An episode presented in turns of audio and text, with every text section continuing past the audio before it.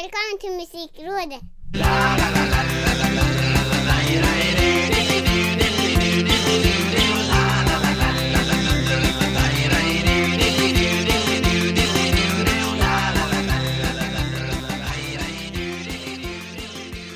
Välkomna till Musikrådets 27 avsnitt där jag som heter Micke Mjörnberg och den passionerade östgöten Ricke Holmqvist återigen ska djupdyka i eh, musiken och dess framsidor och baksidor blir det väl den här gången eller vad, vad tror vi? Vi får väl se vart vi hamnar Ja men något sånt typ Men innan vi drar igång det här så har jag en liten reflektion som jag skulle vilja eh, dryfta med dig lite här Mhm, intressant, okej Innan vi startade den här podden så Det var ju några år av eh, en tanke på att starta en podd innan vi Vi gjorde det Kan man Ja. säga Det här Ja. fröet har ju funnits med oss eh, ganska länge och Jag kan Ja, tänka mig att när du visualiserade den här saken för fem år sedan När vi Mm. kanske pratade om det från början så Tänkte nog både du och jag var på att ja, men det här kommer ju bli, vi kommer ju sitta och prata om konsertupplevelser och allt möjligt så här, oh, den senaste veckan har jag varit och gjort det här, har du sett det här och Ja. det här har hänt Nu är vi på avsnitt 27 och vi har eh,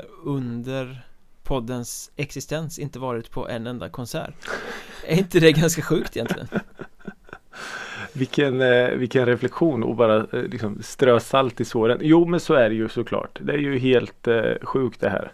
Ja, Jag tänker lite med, med tanke på gårdagens besked också om att 50 personer i, i publik går ner till 8 personer i publik eh, och att livescenen är med det beslutet fullständigt totalt stendöd. Ja.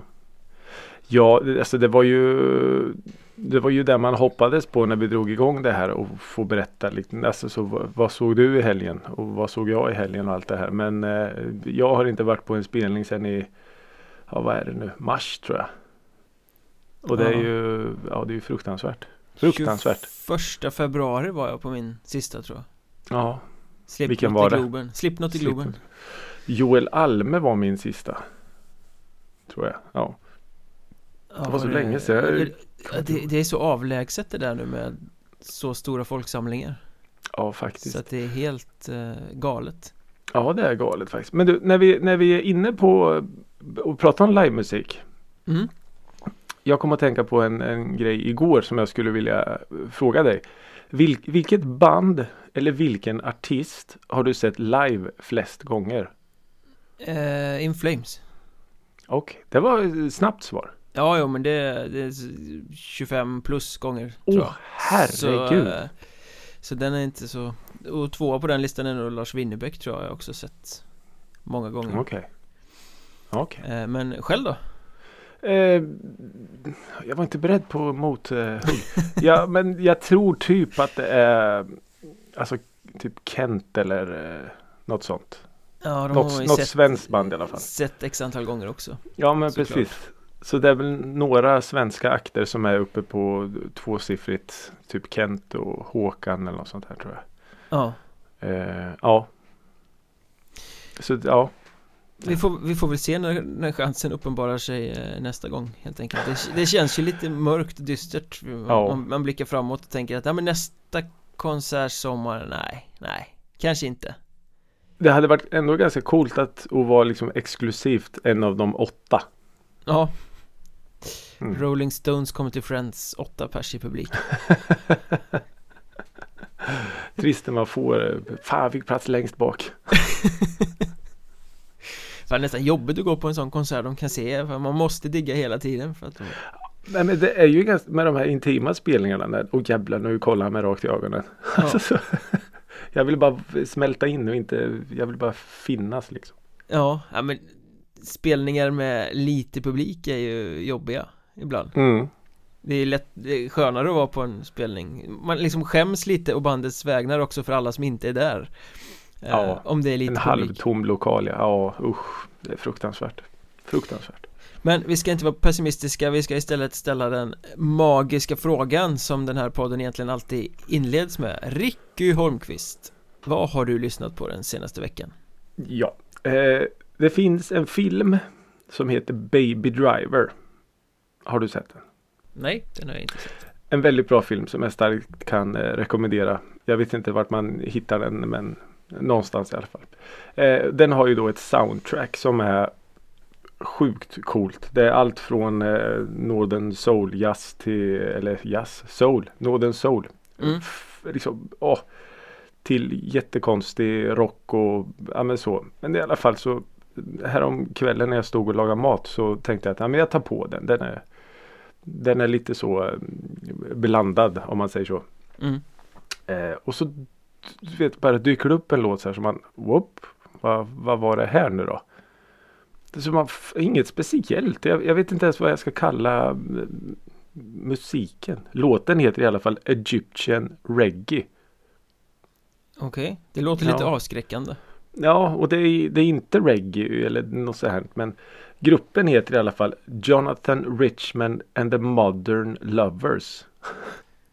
Bara Ja, det är ju värt att plocka med sig. Man gillar ju Eh. såna här när man liksom tar ett, ett namn och så hänger på något obegripligt Ja men precis. Eh, och det är i alla fall en, en, en låt från 1977. Ja, Som är, ja, den är så löjligt smittande. Det ligger en gitarr och, och skuttar lite så här hopp, eh, liksom, skuttar fram nästan. Man, man, blir, man blir på väldigt bra humör och den är ju otroligt eh, alltså, hypnotiserande på något sätt. Så jag bara var tvungen att igen, igen, igen, igen. Så. när, när du säger skuttar fram så får jag av någon obegriplig anledning upp den här Fronda-låten i, i huvudet Bara rullar fram fast man bara skuttar fram Jaha, Kändes, okej. ja, den, är, den är inte som kändes lite ovärdigt din spaning där Ja, jag tror den här eh, Egyptian Reggae vinner den Ja, kampen. Eh, och sen så eh, släppte ju Linn Kock Emery. just det, hon hade någon Låt. video där där hon gick på eh, någon bro och grejer va? Det är möjligt. Den har jag missat. Däremot så har jag lyssnat på hennes eh, låt hon släppte, Hologram Love. Mm. J- åh, jättebra låt. Eh, vad ska man säga? Alltså jag fick så här. Det här som jag älskar. De här ingredienserna. Det är lite melankoliskt. Lite grått. Lite mörkt. Men ändå med den här positiva. Alltså du blir glad av låten. Mm. De här kontrasterna.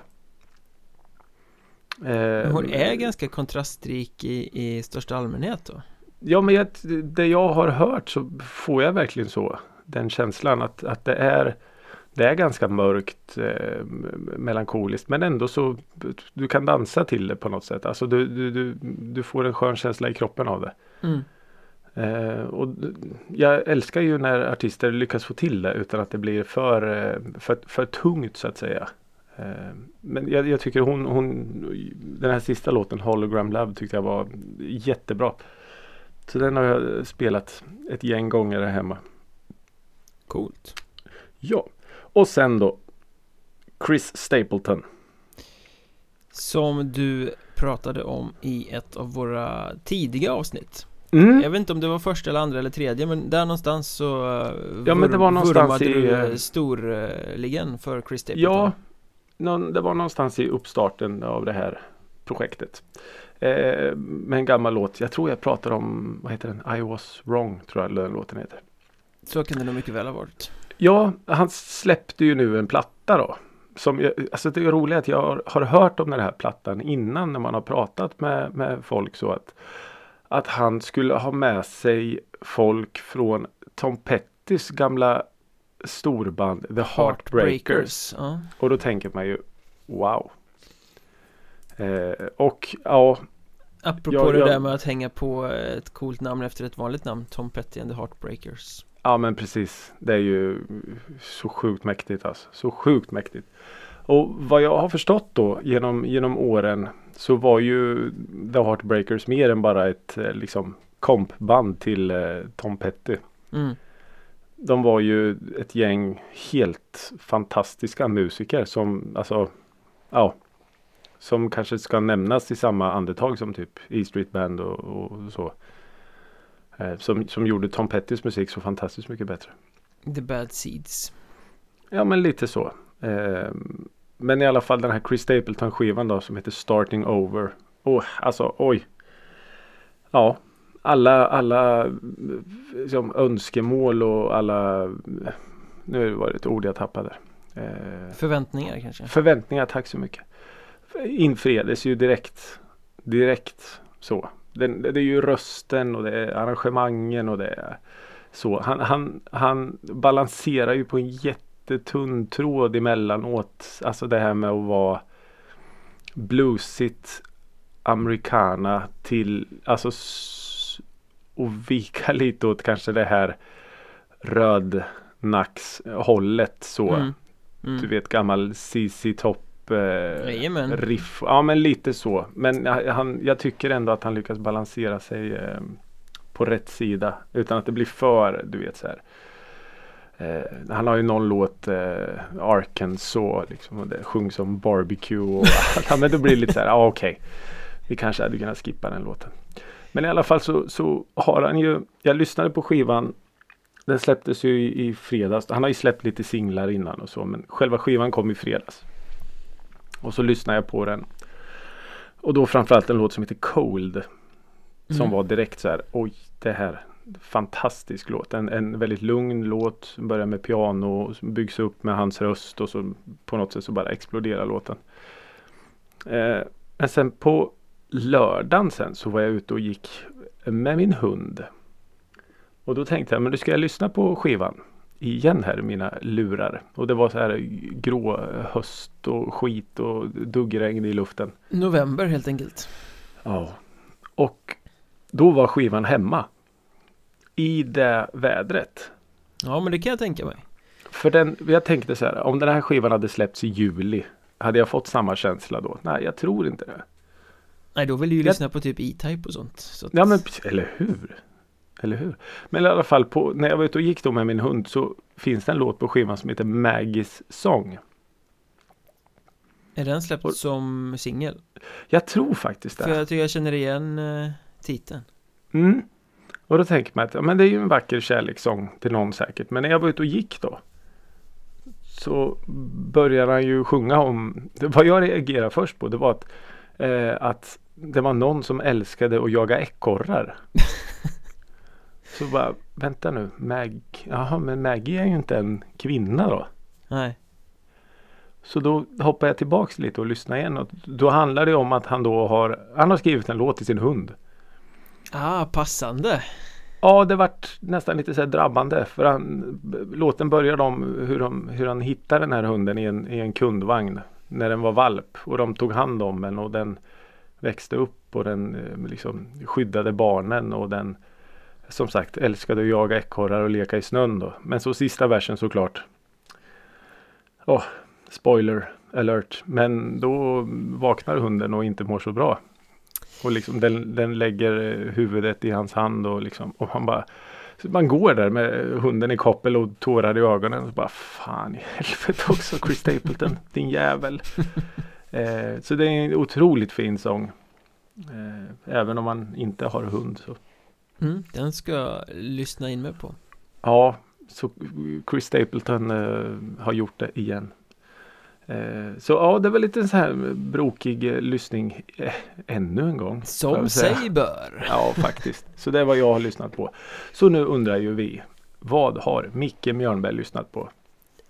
Jag satt ju här förra veckan och eh, pratade om Ulver och eh, Flowers of Evil Just det, just Norska black metal-nissar som eh, utvecklats via en massa experiment till någon form av synt det. Mm. eh, Och jag har uppenbarligen en grej för gamla black metal-nissar som helt byter bana eh, Förmodar jag För den här veckan så Det ena ledde till det andra så den här veckan har jag lyssnat på Borknagar, ett annat eh, Norskt band som började som Oj. vikinga black metal av alla Ja, det lät dödsmetalligt Ja, faktiskt. det är ju eh, ofantligt dåligt det de gjorde i början på sin karriär Inte min kopp te, men Förra året släppte de en platta som heter eh, True North Mm. Som det är ett stort, stort fjäll på omslaget Ja. eh, Och sista spåret på den plattan heter Voices och är någon sorts superstorslagen eh, pampig sak som står så långt Ja. ifrån black metal som man bara kan komma Ja. Ehm, Som jag har lyssnat osunt många gånger på den här veckan Den liksom bara, det, det är liksom så här naturromantiskt bara Oerhört storslaget ehm, ja. Svårt att beskriva vad, men fantastisk låt Ja, du, du skickar ju den till mig och den är ju alltså storslagen var ju det första jag kom att tänka på. Ja, Den är ju storslagen majestätisk. Och jag Verkligen. tror att den skiljer sig ganska mycket mot det mesta annat de gör De är väl mer en okej. sorts progressivt band Men om man bara bryter ut den Låten ur sitt skivelement så är den ju liksom Den står så extremt mycket på egna ben och flyter ihop med det här fjället på omslaget som liksom var ja mm, Det är klart att En platta med en sån här låt ska ha ett sånt omslag Ja. För att ja, ja, ja men naturromantiskt är nog det Det ord som jag skulle etikettera den med om jag bara får välja ett Ja precis, för den, den låten och den bilden går ju verkligen hand i hand. Ja, ja, extremt mycket. Ja, Ja. Men är de, är, de är norska med eller? de är norska också. Ja. Du och norrmän alltså. Det, det har blivit så den senaste tiden, jag vet Ja. inte. Um, jag får... Kanske ska... Jag hade ju hon Luli också för ett gäng veckor sedan där det var eh, norsk tuggummi-pop Just också. det. Eh, Men- Ganska intressant ändå den här eh, spaningen som du har gjort nu de senaste två veckorna här med, med alltså lite mer Alltså nästan lite elektroniskt de två banden du har plockat upp nu. Det är visst det är lite rock i ändå men det är åt ett annat håll. Ja, Det är någonting som det inte pratas så mycket om i Norge ändå. Elektronisk Men- musik eller? Nej men att de, de är inte riktigt på kartan där men det kanske är något på gång. Ja, ja men så kan det väl vara. Kanske. De är väl mycket liksom sin hårdrocksscen. Mm. Och sin olja ja. och sin fisk. Ja men de är ganska stora på hiphop också vet jag. In, har de en sån här inhemsk eh, Ja, men precis. Ja. Ja. Ja men ganska stora. En, en del artister vet jag har varit och gästat lite svenska artister så. Ja, okej. Eh, så hiphop-scenen är i allra högsta grad eh, levande. Ja, den är jag ju inte så bevandrad i så det kan vara intressant att, att gräva i det också. Vi får göra ett norskt eh, avsnitt helt enkelt. Ja, skriver upp det på listan här. Wow. Mm. Eh, men i, vi pratade om att du pratade om Stapleton i något av de tidiga avsnitten och Ja, i vårt allra första avsnitt så pratade jag om eh, Nico Kick som gjorde överraskande comeback med en låt som heter Afraid som var svinbra. Och Just nu i veckan som gick så släppte ju de ytterligare en singel En låt som heter Love can be a wonderful thing Mm. Som är helt brutalt svinbra Alltså Det var en sån här riktigt driven popdänga som jag blev fullständigt knockad av Mm. eh, Och den är sådär glad eh, Och liksom kärlekskrank som titeln antyder Det är inte ironiskt liksom utan det är en kärlekslåt Kärlek Ja, kan vara fantastiskt eh, Clara Keller eh, gästar också och, och sjunger tillsammans med Andreas Södlund där och det är Äh men vilken låt! Har du lyssnat på Mm. den? Mm. Ja den var, den var precis som du säger. Man, man blir knockad direkt vid eh, första lyssningen. Men det är ju liksom Nico Kick var ju från början lite sådär när de existerade på 2000-talet lite skavande på något sätt. Det var ju lite avig poprock Mm. musik. Ja, skramligt var det tyckte jag. Ja, f- så, lite skevt sådär. Alltså det, Lite Inte så här vackert direkt eh, Utan mer att det är utmanande. Nu är det lite mer polerat Lite Mm. mer vuxet Men väldigt mycket bättre. Jag tyckte ju Ja, det Afraid jag Afraid var ju jättesnygg. Och den här är ju bara liksom Stor och, och briljant Så Ja. att eh, Ja, man, blir, man, blir, man blir ju oerhört sugen på en hel platta mm. med nya låtar Jag vet inte om det är Ja. tänkt att komma men eh, de två singlarna som är släppta i år är ju liksom sådär Mwah! Ja men absolut. Jo men vi får ju, vi får ju hoppas på det. Men vi, vi ska inte vika av mot Britney Spears igen nu va? Nej. Nej, Bra. nej, nej, ska vi inte Bra. Men eh, det finns ju en rätt rolig koppling att göra här Det var ju passande att den här låten släpptes just den här veckan när vi ska göra vårt 27 avsnitt av den här Mm. podden För att Nico Kicks slog ju igenom med en hit av stora mått som hette Turn 27 Eh, Mm. Så det var ju passande Turn 27 då som en passning till 27-klubben The 27 Club Ja. Musiker som eh, Kort och gott gick och trillade av pinn 27 år gamla Det är ju en, Ja. en, ett legendariskt begrepp Även om jag läste någonstans någon artikel om det Att det är inte belagt med forskning Att det är vanligare att kända personer dör vid 27 än, eh, Men det var ju en grupp av väldigt prominenta artister som under en väldigt Mm. eh, kort tidsperiod dog vid 27 års ålder Mellan Ja. 1969 och 1971 var det faktiskt fyra stycken Och sen Ja. har det kommit till några andra längs med vägen på den listan eh, Ja. Har du någon liksom, eh, innan vi går in på de här eh, musikanterna så har du liksom någon, någon speciell relation till det här 27 Club mer än eh, liksom att man är bekant med begreppet? Nej men det, det, nej ju man, man var ju otroligt fascinerad eh, av det ett tag på, på ett negativt sätt. Alltså hur innan hade jag inte en aning om det förrän några av de artisterna som man lyssnade på just då trillade av pinn som du så fint sa. Mm. Att jaha men vänta nu 27 va? Jaha okej så började man ju liksom kolla lite i det där och det var ju verkligen så när man började gräva lite att oj det är ju faktiskt ganska många som har gått bort vid just 27 års ålder. Mm. Och det är ju ja det är ju säkert bara sammanträffanden men jag menar konspirationsteoretikern igen blir ju ja väldigt nyfiken. Du menar att ville man begå självmord så var det dags när man hade fyllt 27? Ja men kanske att det inte var en slump bland i alla fall någon av dem att man vill på något sätt vara, bli en legend. Mm. Det är ju, Ja, jag- det är jag ju inte. Det är liksom ju som sagt- väldig eh, vandringshistoria det här om, om 27-klubben och Ja, kända musiker som dör unga vid just den åldern och först ut får man väl säga var Brian Jones mm. Rolling Stones Alltså när han dog var han ju ex-gitarrist för han fick väl sparken jag tror han eh, hade fått sparken eh, vid, den, vid den tidpunkten. Och det, man kan väl också passa på att höja en liten sån här flagg nu där det står liksom spekulationer pågår. Du menar att det här är inte den eh, exakt i eh, bokstavsdetalj sanna historien som kommer att återberättas i det här poddavsnittet? Nej, inte riktigt. Utan det här är eh, lite så eh, konspiration, teorier for dummies. Vi, Men, vi, vi, vi eh, tar oss friheten att sväva iväg Absolut. Nej men han, han, han hade ju fått eh, lämna bandet.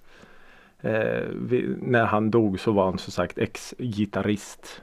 Och han Men han- hittades ju drunknad i sin swimmingpool 1969 Mm.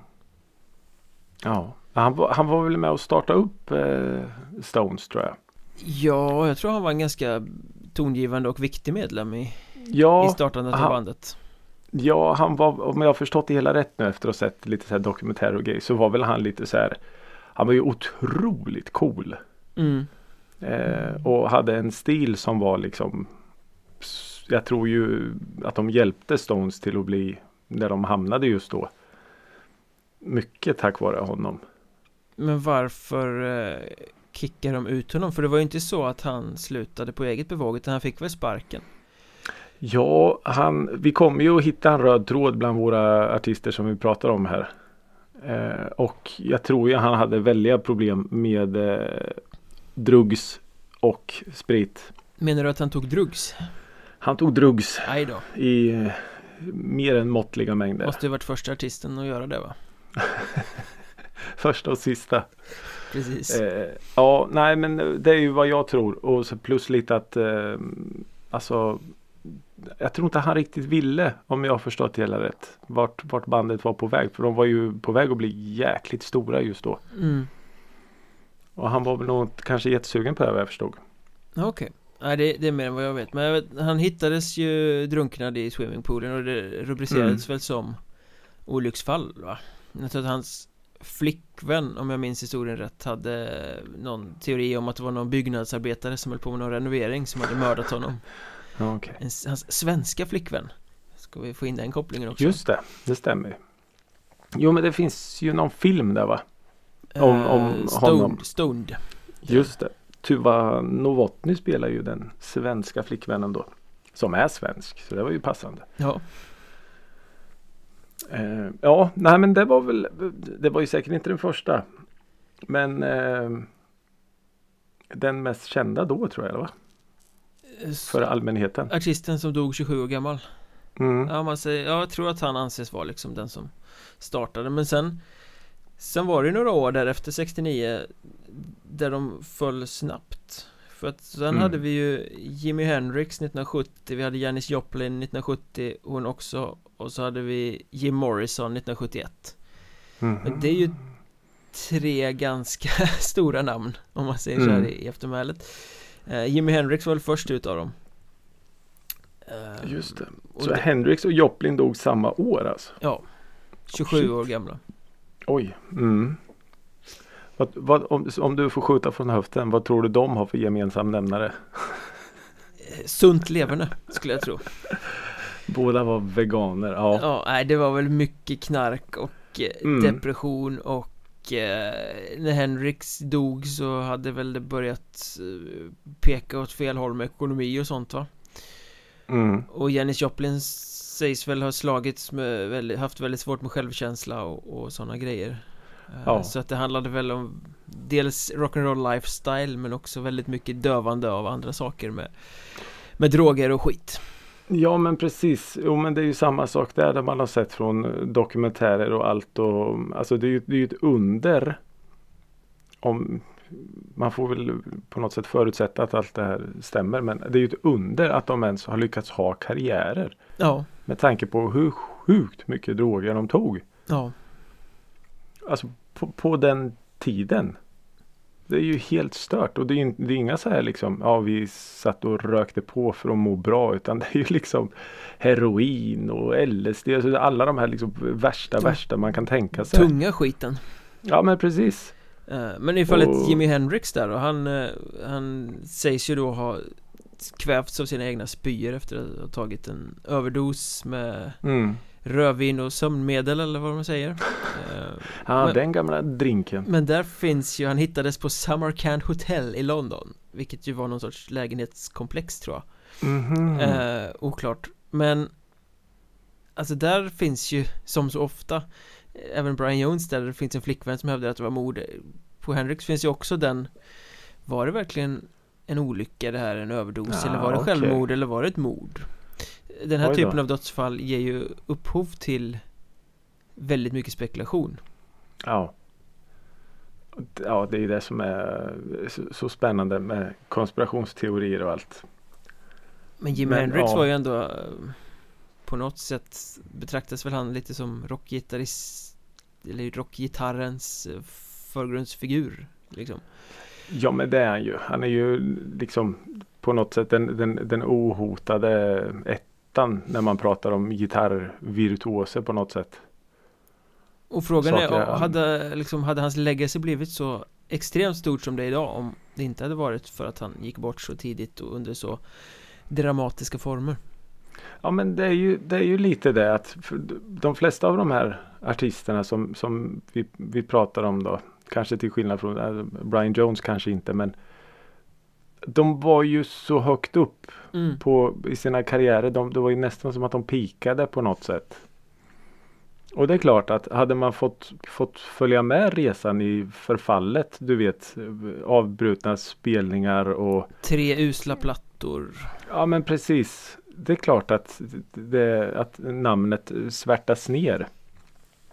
Snarare än att gå ut så här då. mm, Ja men det är väl det också som gör den här 27 Club lite så speciell att de dog i sin prime liksom Mm.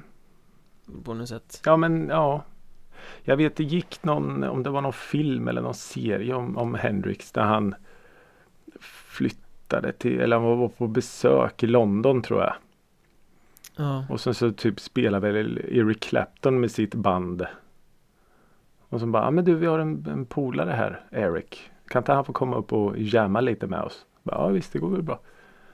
Och han spelade ju Clapton av banan. ja, Och det är, så- det är också sådana där skrönor och legender som gör att liksom, namnet lever vidare snarare än att man pratar om en, en liksom, sett bilder på när han har suttit på någon parkbänk och ja men du vet så. ja, ja men precis Och Janis Så, Joplin eh, var ju också liksom en, en en stilbildare, en, en Mm. vägvisare för en hel Liksom Dels för kvinnor i, i scenen men också med en hel, en hel rockscen på något sätt, ett sätt att sjunga Ja men absolut. Jag Ja, har men liksom aldrig eh, fastnat för hennes röst Jag tycker den här hesa Mm. sådär är lite jobbig, jag vet inte Jag har aldrig gillat henne musikaliskt så Men jag, jag förstår Okej. ju hur viktig och hur stilbildande hon var Ja men oh ja. Jag menar nästan varken förr eller senare har det ju kommit fram en, en, en kvinna som sjunger på det sättet som hon gör. Med just det här raspiga, riviga, alltså så. Men Hon hade ju Och- mycket, mycket, mycket känsla i det också Det var inte bara Ja, att det var en herre. raspig eh, Nej. själ Någonstans bakom heroinångorna så fanns det ju väldigt mycket själ i eh, Mm. framträdandet Eller Ja framförandet men herregud.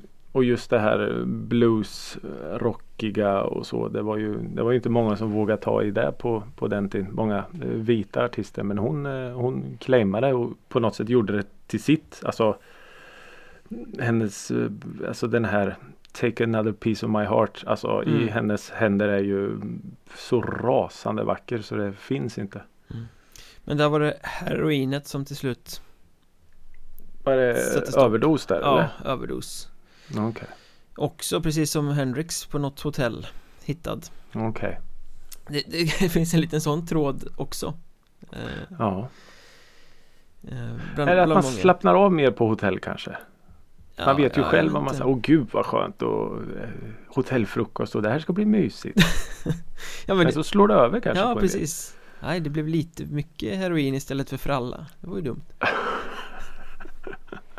Ja, För- vi ser lite olika på vad en hotellfrukost är. Ja, för året därpå var det ju samma sak Då var det ju Jim Morrison från The Doors som trillade av pinn Och det var ju också på ett hotell Eller var det det? Nej Nej jag tror Ja men det var, han var, i, han var, han var utomlands, han var i Paris i alla fall I Men, Paris men var jag tror att han kan ha varit i någon lägenhet som han hyrde eller någonting men Han var Vi kan Pa- kalla det för lägenhetshotell Ja, då. han var i Paris i alla fall eh, Ja. Hittades i eh, sitt badkar Ja, det är klart. Det låter ju mysigt.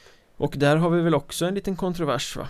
Hur det gick till, skulle jag tro Mhm, eh, nu är vi igång igen här. I och med att de eh, aldrig gjorde någon eh, obduktion Tror jag såg i, okej. någon, i någon dokumentär Mm. Att i och med att om det inte föreligger brottsmisstanke så gjorde de inte det i Frankrike och då Ah, okej. Därför vet man inte riktigt men det Den officiella förklaringen är väl hjärtattack eller hjärtsvikt eller något sånt där till, Mhm. till följd av förtäring av Ja, just rusdrycker eh, Ah, okej. Eller knark eller ja, något sådär Ja, just det. Har du sett eh, den Doors-filmen? eh, Jag har sett halva Okej. Den är ju bra. Ja, Men vad, är, vad är din relation till Doors musik då? Alltså, jag tänkte på det där när vi började diskutera det här ämnet så det är kul att du frågar Eh, För att jag, jag och många med mig brukar väl använda dårsikt som liksom ett epitet när man beskriver musik liksom Ofta när det kommer in någon snygg orgel eller sådär liksom, Ja, just säger, det. oh, det är så dårsikt liksom Mm. Grymt, oh, det finns det Doors-vibbar i det här Och det säger man ju nästan alltid som något positivt Det är ju liksom, Ja, just det. den här låten är jävligt dårsig Det är liksom ett positivt Mm. omdöme Men om man lyssnar på The Doors Alltså Det är klart att det finns väldigt mycket grymma höjdpunkter Mm. eh, Och det är de man refererar till Men om man lyssnar Ja, ja. noga och gräver ner sig i diskografin så är det ju väldigt mycket som är Väldigt flummigt också Ja. Och utflippat och inte alls så bra Kan jag tycka Nej. eh, Så att alltså, min Mentala bild av The Doors är att de är mycket bättre än vad de kanske var Ja men lite så. Och alltså, om jag får sätta ett ord på The Doors det jag kan så är det ju konstigt. Jag tycker det är väldigt konstig musik. Ja det är det ju, den var ju way, way out there Man hör, alltså Ja, det, det hörs att de Tog lite grejer Ja. Nej men och sen är- handlar det väl också lite om det här med hade de blivit lika stora om det inte hade varit för den otroligt karismatiska frontmannen. Nej, Jim nej Morrison. absolut inte Alltså jag, jag, tror inte det i alla fall. Och hade de blivit lika legendariska hade vi suttit här och pratat om dem idag. Om kanske inte Jim Morrison hade just blivit 27 år gammal. Nej Troligtvis inte, och, men där har du väl liksom också lite eh, Ibland kanske du måste vara jävligt dekadent och förstörd för att kunna vara så karismatisk som många av de här har varit Mm. Men Janis Joplin Jim Morrison Vi kommer till henne snart med Amy Winehouse Mm. Väldigt karismatiska artister Ja. det kanske Ja men det är de ju. De kanske inte, de kanske är det av en anledning liksom Ja men ja, jag, jag förstår absolut vad du är inne på. Och jag menar The Doors hade väl garanterat varit, om de nu hade hållit ihop särskilt länge till, varit ett typexempel på ett band som antagligen hade gått på otrolig dekis. Ja, det där hade ju inte gått att ta så han mycket hade längre väl gjort någon han hade väl gjort någon soloplatta som inte alls blev så bra och hela den liksom Säkerligen Jag håller med om den beskrivningen av vad de hade Ja men det känns liksom. lite som ett sånt band. Och sen liksom när de väl återförenas så bara Lite alla står och väntar på Light My Fires typ. Ja, eller Take On Through to the Other Side eller vad heter den? Ja just det. Ja den är ju fin också. Det är Eh, typ de två man kan. Ja, det är ma- rak arm. mainstream eh, Break on Mm. through to the other side eller, Ja men precis. Ehm, Men det finns ju en liten Det här, jag ska inte lova att det här stämmer Men jag snappade upp den detaljen i något sammanhang eh, Fråga mig inte var Men han hittades ju i det där badkaret av sin flickvän som hette Pamela Corson Mm. Som var några år yngre än honom Mm. Ryktet säger ju att hon också dog några år senare Vid 27 års ålder Oj, Den är mörk den är mörk. Ja, oj. Mm. Men eh, Stämmer det ja. så adderar det ju till legenden på ett ganska mm. eh, Ja men det gör det ju. Ja, Intrikat det var, sätt. Det här var spännande. Det här var spännande. Men efter 71 så gick det 13 år Mm. Men sen är det väl kanske det Jag vet inte, det kanske beror på Det att dog ju folk som var 27 under de Jo, åren. det, absolut. det gjorde det, men eh, inte, inte av den digniteten kan man säga Nej, okej. eh, Men det, men det kanske säger mer om oss och vår generation och var vårt musikintresse startade och allt det där Men frågan är om inte Kurt Cobain är det ändå det största namnet, eller? Jimi Hendrix Eh, och de större mm. liksom Jo, men det får man väl ändå lov att säga. det, det, då- det är också drivet av att det fanns en helt annan mediebevakning och sånt Mm. eh, 1994 Än vad det Mm. gjorde på 70-talet Ja, och faktiskt att det var en, en artist som man just då lyssnade på. Ja, för, för våran del, ett- ja men precis Ja, precis. Och jag menar de här andra artisterna som vi har pratat om nu, de har man ju hört såklart. De har man ju hört jättemånga gånger. Men inte på samma sätt som Jag var inget jätte-Nirvana-fan men de, de fanns ju ändå i mitt liv där och då. Ja, man kan ju minnas de här tv-bilderna Mm. av när de filmar eh, Kurt Cobains hus i Seattle där på, Mm. på avstånd Ja, ja, ja. liksom och nyheten om att han har begått självmord Ja men precis och jag menar jag minns när man, när man hörde Smells Like Teen Spirit första gången och vilket otroligt genomslag den låten fick. Det var ju det, var ju det största man hade varit med om då. Ja, Och, och liksom få se en helt ny musikstil. Alltså komma till liv. Så grungen. även om man inte Ja men precis så även om man inte lyssnade så mycket på Nirvana så Alltså de fanns ju där. Jag menar det var ju folk omkring en varje dag du vet med Nirvana t-shirts och flanellskjortor knutna runt magen och alltså så. En hel generation, generation, generation av killar som fick för sig att man inte behöver duscha mer än på julafton Ja men lite så. Och de kom undan med Ja, de jävlarna.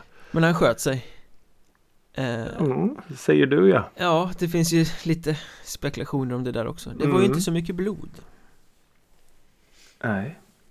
Nej. Och ja, det är ju också en sån där grej som, som gör att legenden lever. Vad hände egentligen? Mm. Han, han hade ju ett allt annat än eh, bra leverne. Det är ju väl dokumenterat. Ja, han umgicks med de tyngre grejerna Så att säga Mm. Och var ju bipolär också va? Mm. Depressiv och Ja. Hade han inte låst in sig och sagt att han gömde sig för Courtney Love och sånt också ganska Tätt in på Ja, det låter jag vara osagt, eh, men det låter ju inte omöjligt. bort. Det hade nog jag också gjort. Han hade i alla fall skrivit in sig på rehab men rymt eh, Ja okej. en tid innan och dragit hem liksom Mhm. eh, s- Ja. Så att det var ju ett Och han hade ju någon månad innan det här också typ överdoserat på champagne och Rohypnol eller vad det var Åh sådana där herregud. grejer eh, Så att det fanns väl 58 rop på hjälp innan eh, Ja, just det. det här hände, vad som nu hände eh, Men, det, Ja, men det är ju i alla fall officiellt rubricerat som ett självmord Ja, just det. Men vad, vad, vilken är din relation till eh, Vad heter de? nu? Nirvana? Alltså jag lyssnade ju på Nirvana Eh, Mm. Jag var inte ett superfan Men i och med grungen och i och med hur stor den blev och hur stora de blev så har ju de haft ett stort inflytande man Man har levt med deras låtar med Smells Like Teen Spirit och Rape Me och, och alla de Mm. här Eh, Och de har ju i sin tur eh, influerat väldigt mycket annan musik som man har lyssnat på Ja, Alltså just det. både Mm. medvetet och omedvetet Så att jag skulle vilja säga att det är ett, ett viktigt band som jag håller ju Rent musikaliskt håller väl jag det som de Främsta Av de här stora grungebanden Ja, Kanske just att. Pearl Jam har fler toppar men de har också en mycket mycket bredare och större diskografi Mm. och har där väldigt mycket mög också eh, På ett sätt som Nirvana inte hann med eftersom inte de gjorde så mycket plattor Ja, just det. Ehm, Ja, nej jag, jag, eh, jag vet att jag eh, alltså fastnade för musiken just då. Men ah, nej, det var inte riktigt min kopp med te. Det var något nytt, det var något spännande, det var lite farligt sådär. Mot vad som rockmusiken lät just då. mm. Men jag kommer ihåg att jag tröttnade ganska snabbt på, på just Nirvanas ja, men det var lite ja, Den är för ganska enahanda skevt. Ja men lite så. Och sen så blev det ju så Ehm. väldigt upphängt på det här MTV Unplugged eh, grejen när han sitter i sin kofta där och, och det Mm. där och det tycker inte jag är liksom Det är inte det bästa av Nirvana De var ju mycket bättre när de skrotade på N När Dave Grohl eh, pryglade skiten ur trummorna liksom Ja, alltså live tycker jag att de var bättre än vad de är på, på skiva. mm. Det lilla man har sett live. För då, det var lite också det där eh, oförutsägbara. Du hade inte en aning om vad som skulle hända under en Nirvana-konsert. Eh, ja.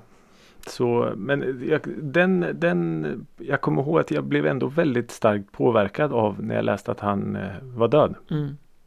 Men, men om man om man hoppar från Kurt Cobain till nästa artist som blir den sista i den här lilla sammanställningen då så Mm. Kurt Cobain såg ju verkligen ut som den junkie han var Mm. Han såg ut som en nedgången drogmissbrukare Mm. kan man väl säga Amy Winehouse då är väl kanske den totala motsatsen Extremt glamorös och snygg och fräsch Men osade väl ändå osunt knarkande på andra sättet liksom Ja, och supande. hon Ja men precis. Och hon Det har väl lite också att göra med att hon var Hon blev väldigt framgångsrik Och var brittisk Och fick hela den brittiska presskåren efter sig. Tabloidpressen där. Ja men precis de svinen. Så man, man På något sätt fick ju Se hennes förfall mm. på ett annat sätt. 2011 ska jag väl säga att hon gick bort i mm. vad som kallades alkoholförgiftning. Mm. Fyra promille dagen efter eh, Dagen efter Utöja attentaten. Var det så? Ja. Ja. Så det var två fruktansvärda dagar. Usch. Kan man säga. Ja, jag, jag minns det så väl. Först Utöja och som, liksom när man är så otroligt chockad och bara Nej men vad fan nu gick hon bort också. Så det, ja. Bra dagar herregud Ja fruktansvärt Men eh, alltså jag minns ett klipp och jag kan fortfarande gå in och titta på det här klippet ibland. En Amy, Winehouse, Amy Winehouse eh, spelning. Och det är någon som står i publiken och filmar. Och så står hon, hon hade ju vet, den här getingbo till hår. mm.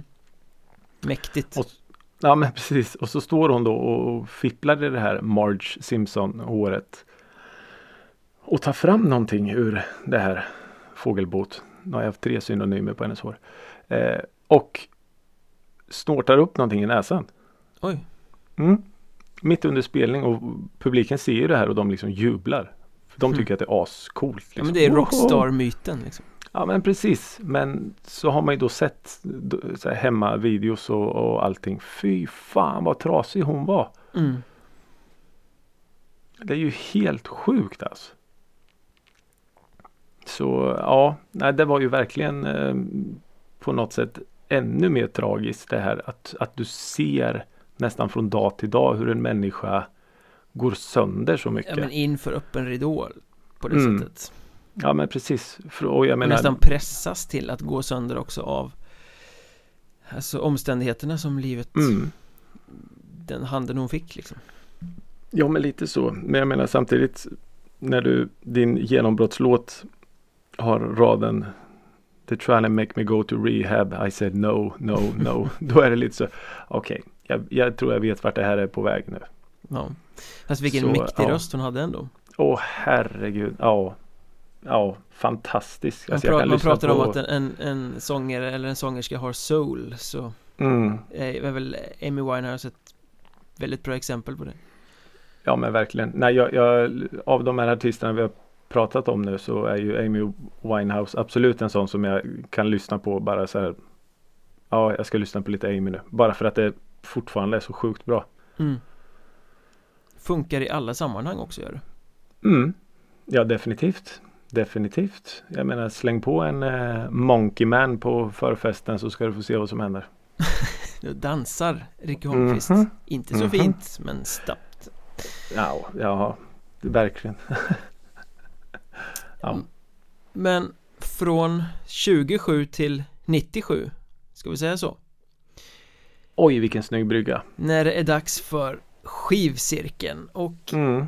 1997 släppte Chumbawamba sitt åttonde album Tub Thumper Mm.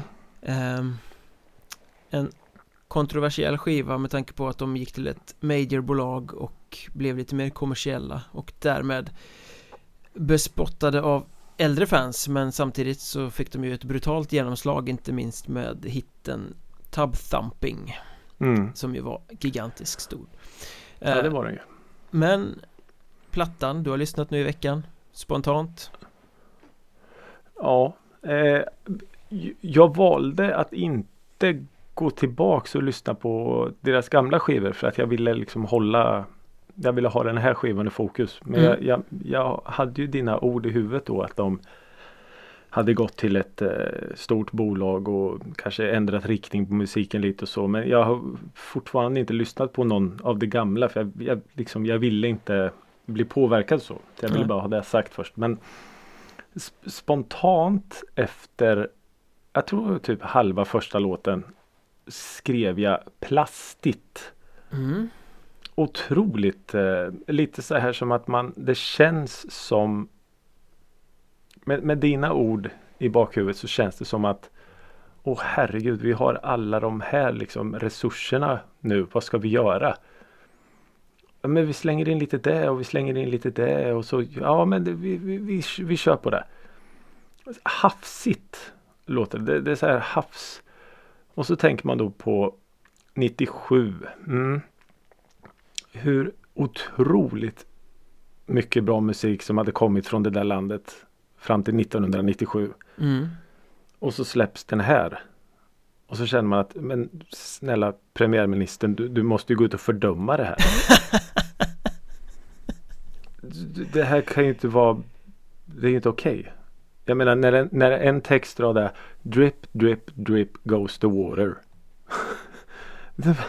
Men vad, vad, vad, är det här? Just någonstans i allting så finns det en jävla massa politik inblandat eh, Jo, men För det- de är ju liksom såhär något sorts anarkistkollektiv från början som har hållit på Tycka och tänka och ha åsikter om allting Mm. Sen är jag inte särskilt insatt i Exakt liksom vad Så jag har inte lyssnat jättenoga i Satt mig in i textämnena Men det handlar ju väldigt mycket om samhällskritik Jo men Så man får väl an, precis. anta att många banala fraser har någon form av Brittisk koppling Metaforiskt på något sätt. Ja, för det var ju de, Det var ju lite så de sjöng om hemlösa och lite sånt Tog jag till mig och så. Men, men Samtidigt så är det ganska svårt att, att urskilja texterna för att det händer så otroligt mycket med musiken. Det gör det ju. Så lite som vi var inne på förra veckan med eh, Fools Garden att det finns, det liksom finns ingen röd tråd. Nej, det håller jag med om. Fast här, eller Det håller jag inte alls med om egentligen. Jag håller med om att det är splittrat något så in i helvete. Eh, Men här tycker jag ändå att det finns en tråd på ett annat sätt än hos Fools Garden Där är det ändå att de testar olika genrer. Här finns ju ändå i alla fall någon form av Liksom lite mer sammanhållande ramar även om det spretar sen åt alla möjliga håll. Ja. För de, de har ju en låt där jag var tvungen att, att, verkligen krampa fram vad, vad den musikstilen hette som förhoppningsvis nu är helt utdöd men var ju väldigt stor på de brittiska öarna i, runt den här tiden och det var ju Jungle. En sorts eh, Jättesnabb, dansmusik, ja. ja. Och de, de har lite sådana eh, tecken eller vad man ska säga i någon låt. Ja. Bara, just det, den här hade jag lyckats förtränga. jag minns någon artist som hette Apache Indian som var jättestor eh, på de brittiska öarna. Som, som var väl lite hushållsnamnet vad gäller jungle music. Är det typ eh, den låten som heter Scapegoat där som är i slutet som är lite junglig då eller? Jag, ja, jag kommer inte jag kommer inte ihåg vilken det var men det, det, var någon i alla fall. Och sen typ låten efter då är det lite så här reggae-vibbar nästan lite så här um, patap, patum, patap. Men vad, vad är det, vart, vart vill ni? Vad, vad är det ni vill göra? Och sen på den här Mycket tror jag svaret är på den frågan Ja Och sen på den här Mary Mary den låten Som startar med några slags Rammstein-gitarrer Som kommer från ingenstans Mm, jag tycker och, att i både Mary Mary och uh, Outsider är de ju inne mm. och petar i någon sorts lite mer punkigt mm. På något sätt så, så jag brukar göra så här att när, när jag recenserar skivor eller på konserter så gör jag liksom så plus eller minustecken mm. bakom en låt så bara för att ja men det här vill jag prata lite mer om. Om det här var bra eller dåligt så när man typ skriver en recension eller något. Här skriver jag frågetecken. det är lite som att creepy crawling? Frågetecken. Vad va, va, va? Vad va, va, va, va, vill ni? Vart ska ja. ni mer än musik? Jag vet inte. Ja den är en udda fågel faktiskt. Creepy ja. crawling. Mm. Så ja, det, det var Okej, okay, jag, kan, jag kan köpa ditt uh, ord splittrat där. För det är ju verkligen så att ingen låt är den andra lik.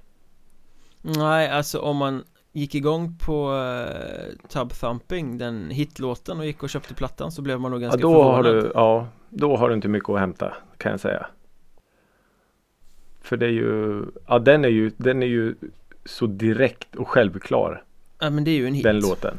Ja det är ju en hit. Men uh, ja, och sen då självklart så, så kröns hela den här eh, bajskorven med fotbollskörer som sjunger Olé, olé, olé i sista låten. Fast det tror jag är något sån här bonusspår. Jag kan inte ja, minnas att den var med på plattan från början Men den har de ju smugit in sen så här bonus på eh, Europa-släppet eller något liksom. Ja det måste ju ha varit det. För då bara tänkte jag så här, ja självklart den här spelas på puben och, Ja det är klart den gör. Ja, så givetvis. Men ja, nej jag, jag blev eh, lite knäckt av den här skivan för den, den spretade och drog åt så himla många håll. Eh, så den var, den var svårlyssnad. Ja, det, Men också, det också blir man ju lite så här att man blir lite nyfiken på Även om jag inte tyckte att det var speciellt bra så blir det så här, jaha, undrar hur nästa låt? Undrar vart vi ska då? Ja. Så man, man hålls ju på, på nålar hela tiden på ett sätt. Det är intressant ändå för jag tycker Jag lyssnade rätt mycket på den här när den kom eh, ja, okay. På den tiden Sen mm. har jag inte haft befattat mig med den på jättelänge så det var lite som att gå tillbaka och Återupptäcka Ja man säga. Men, jag, men, men jag tycker på riktigt alltså den är jävligt bra Tycker du det? Ja, Oj. jag går tillbaka och lyssnar på den Kanske inte som platta sådär i och med att det spretar men mm. Låt för låt, jag tycker det, det, det Den är modig på något sätt för den prövar mark som ändå inte var prövad På det sättet. Jag tycker Nej, att de, om... de liksom tar lite punka så stoppar in trumloopar och så ja, Trycker på lite blås och så det, De har ju snygga röster alla som sjunger. Eh, och Sen blandar de och ramlar in i lite hiphop på något ställe med ja, snubbar som ska stå och gasta ja, och sådär liksom. Så att den är ju Den är ju vågad, jag tycker de får ihop det ganska bra liksom. Sen Ja, kanske man det- inte ska förvänta sig att det ska vara en, en skiva som har en röd tråd eller sådär men, men plockar man russinen ur det så är det ju rätt bra och jag tycker att alla låtar håller utom någon på slutet där som heter Small Town som är någon sorts lounge-dänga kanske Ja. Den är inte bra Ja. men resten tycker jag är ganska liksom Det är snygga passager och jag blir imponerad över hur de faktiskt lyckas få det så pass svängigt när det handlar om trumloopar. För det brukar ju bli ganska statiskt när man börjar bara köra programmerade trummor och grejer fram och tillbaka. Här tycker jag ändå att det svänger ganska bra. Och sen ska man inte glömma, jag är ganska svag för den här trumpeten som kommer in på Ganska många av låtarna. Ja, ja jag, jag hör vad du säger och eh, för en gångs skull tror jag att vi eh, står ganska långt ifrån varandra. Vilket ju är jättefascinerande. Ja, och det är ju bra tycker jag. Ja, fantastiskt. Ja, Men har du någon låt som du liksom känner så här, "Ah, men det här eh, Tar jag med mig någonting härifrån så Så är det den här låten eh, nej, Jag- inte, alltså inte och, och grejen är ju så här att jag har aldrig varit speciellt imponerad av den här eh, superhitten heller. Nej Tub, tub thumping.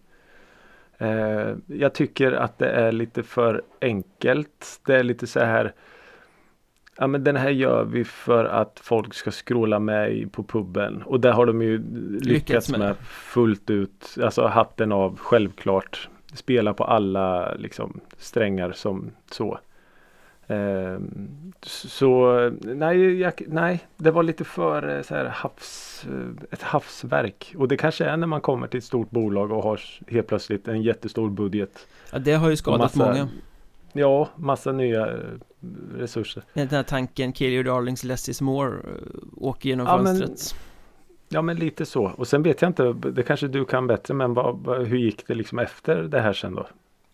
Ja, sen släppte de väl en platta som Hette What you see is what you get Några år senare Okej. Jag tror inte den gick lika bra. Eh, Jag vet att det var en gullig hund på eh, Huvudet på en gullig hund på omslaget Och sen så var det en sån här Okej. eh, booklet som man vecklade upp liksom Man bläddrade inte i den Mhm. man Och då visade det sig att det var två hundar som stod och gökade på varandra och man vek upp hela Okej. bilden Det var väl den här Ja, okej. subtila brittiska humorn Ja men precis. Vilket ju också återspeglar sig i, i Ja men en sån grej som att de har en låt på den här plattan som heter Amnesia Mm. Och texten går Do you suffer from long term memory loss? I don't remember Det är liksom Ja. så här Så Ja. dåligt att det blir bra på något sätt Ja men exakt. Exakt. Nej men samtidigt eh, även om jag alltså inte alls håller den här skivan särskilt högt. Jag menar du kan ju inte snacka bort den hitten. Det, det går ju inte. Den är ju för evig så att säga. Ja, Så eh, ja, det ska de ju ha stor cred för. Att göra en sån mastodont-hit. Men fantastiskt ändå att vi landar i det 27 avsnittet i en skivcirkel där det är agree to disagree Ja, ja verkligen. Det var nog eh, Det var nog dags tror jag. Ja, det känns så Vi har jobbat oss fram till det Ja men precis. Det är sant faktiskt. Eh, men vad skulle du ge för betyg på skivan då? Stark eh, trea Mm. på gränsen till fyra Precis i gränslandet däremellan Ja. Jag tycker att det blir Nej. lite så här att det är liksom samplingar och grejer mellan låtarna eh, Sånt Ja, stör jag just mig det. alltid på, på plattor Ja, ja det, det ska man eh, passa sig för. Tror jag. Eh, nej, jag, jag, jag kan inte landa i något annat än att det, det blir en etta. Fantastiskt Mm. Det, det, det blir en etta. Ändå. Ja. Och, och det är lite för eh, den här hitten. Som jag inte ens tycker om. Men jag är ändå ganska imponerad av att de lyckas göra den. ja. Baljdunkning betyder det tror jag Baljdunkning. Okej. Vi står där och bankar på våra baljor Ja, på balj. Ja, Ja. okej. Ja, okej. Jag tror det var så baljväxter. Ja, det är svårt Svårt nej, jag, jag vet inte. Men vad fan, Men jag- vad lyssnar vi på ja. nästa vecka? Ja, jag tycker nu lämnar vi eh, det här skiten. Nej, ska jag inte säga heller. Men vi beger oss till eh, 1999. Två år framåt i tiden, yes Ja, vi ska till vårat grannland som du så varmt eh, pratar om. Norway Och vi ska till en debut. Eh, mm. Mm. Första gången jag hörde talas om bandet eller kanske sångaren främst då var när eh, han, ska jag säga, medverkade på Arne Bruns eh, platta Duets från 2005. Okej. Eh, och slogs av hans otroliga röst. Och sen ska jag väl erkänna att jag har lyssnat lite på bandet men absolut inte Absolut inte mycket. Jag kan egentligen ingenting om dem. Eh, men kände att det var dags nu och ja, men nu, nu, nu, nu måste vi lyssna in oss lite mer här. Eh, så jag vet inte vad du kan om eh, norska norska band mer än dina Är vi på pop... Mm, vi är lite mer pophållet, kanske lite mer mörkare pophållet men popmusik skulle jag nog säga att det är. Är de stora? Alltså ett stort, stort kommersiellt genomslag internationellt? Ja, det skulle jag väl ändå säga att de, de är. De är otroligt stora i Norge i alla fall och eh, jag vet att de har haft eh, viss internationella framgångar. Då är det ju garanterat ett band jag känner till i alla fall Eh,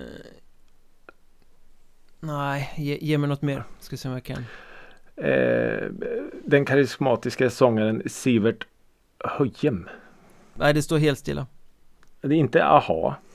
Nej, Tack för det Och det är inte Kings of Convenience Oj, vad är det för fel på dem då? Nej, det är inget fel på dem, men de är en duo, Nej. då skulle man inte prata om den karismatiska eh, sångaren Mm, sant, sant, sant, sant, sant, sant. Det har du helt rätt i. Eh, nej, men vi, vi kör. Är du beredd? Ja, Vi ska lyssna på Madrugada ja, och Såklart. deras, deras debut Industrial Silence. mm. det, Där är jag nog precis som du, jag känner igen Mm, Jag känner till bandet men Mm. är en novis när det kommer till deras diskografi och deras musik ja. Eh, nu vill jag ju bara lyfta ett varningens finger här och be om ursäkt på förhand. Är den två timmar lång och Den, en, alltså lugn och fin här nu. Den enda versionen som finns på Spotify är en Deluxe Edition. ja Och ja, den är två timmar lång. Så vi ska inte lyssna på eh, de 14 sista spåren eller någonting Mm, Du behöver ju inte, tills de- det börjar bli lite så här live och demo version och sånt så eh, ja. Då hoppar vi dem Mm. Men lyssna på Lyssna på så mycket du orkar. Det ska jag göra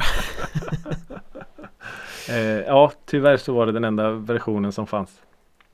Det får duga Helt Det enkelt får definitivt duga. Det ska bli Och det- spännande. Ja, och det här får duga för idag För nu har vi gjort en timme musikrådet igen För Mm. 27 veckan i rad Oj, oj, oj, oj, oj. Mm, Och nästa vecka blir det väl The 28th Club då just det. Får vi se Vad Tack det för kan att bli ni för lyssnar. spännande då. Ja, men absolut. Tack så jättemycket. Fortsätt sprid gospeln hörni.